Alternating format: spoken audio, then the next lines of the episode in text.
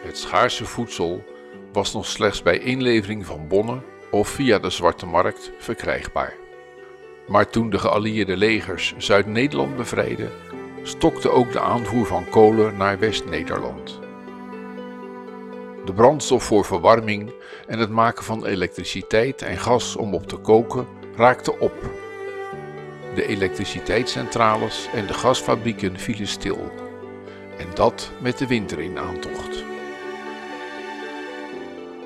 Om toch iets te kunnen koken, werden er piepkleine noodkacheltjes gemaakt, waarin fijn gehakte meubels, het vloerzeil en stiekem omgehakte bomen werden verbrand.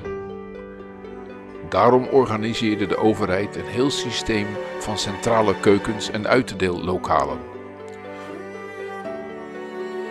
Op woensdag 29 november 1944 kon daarmee in Rotterdam worden gestart.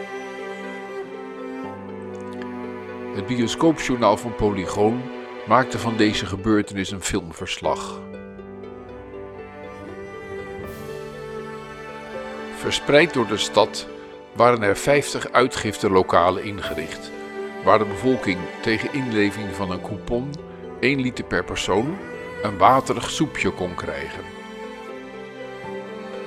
Gekookt werd er bij bedrijven die voor hun productie al over grote ketels en dergelijke beschikten, zoals bij de Heineken en Chamin. Maar ook daar liet de brandstofschaarste zich voelen, waardoor soms alles wat maar wilde branden als brandstof gebruikt moest worden, zelfs steenkoolteer. Alleen de personen die niet meer over een kookgelegenheid beschikten, mochten onder strenge voorwaarden van de gaarkeukens gebruik maken. Slechts als men op het aangegeven uur bij het aangewezen uitgiftelokaal zich meldde met de juiste coupon, kreeg men soep. Zo ging de bevolking van Rotterdam de hongerwinter in.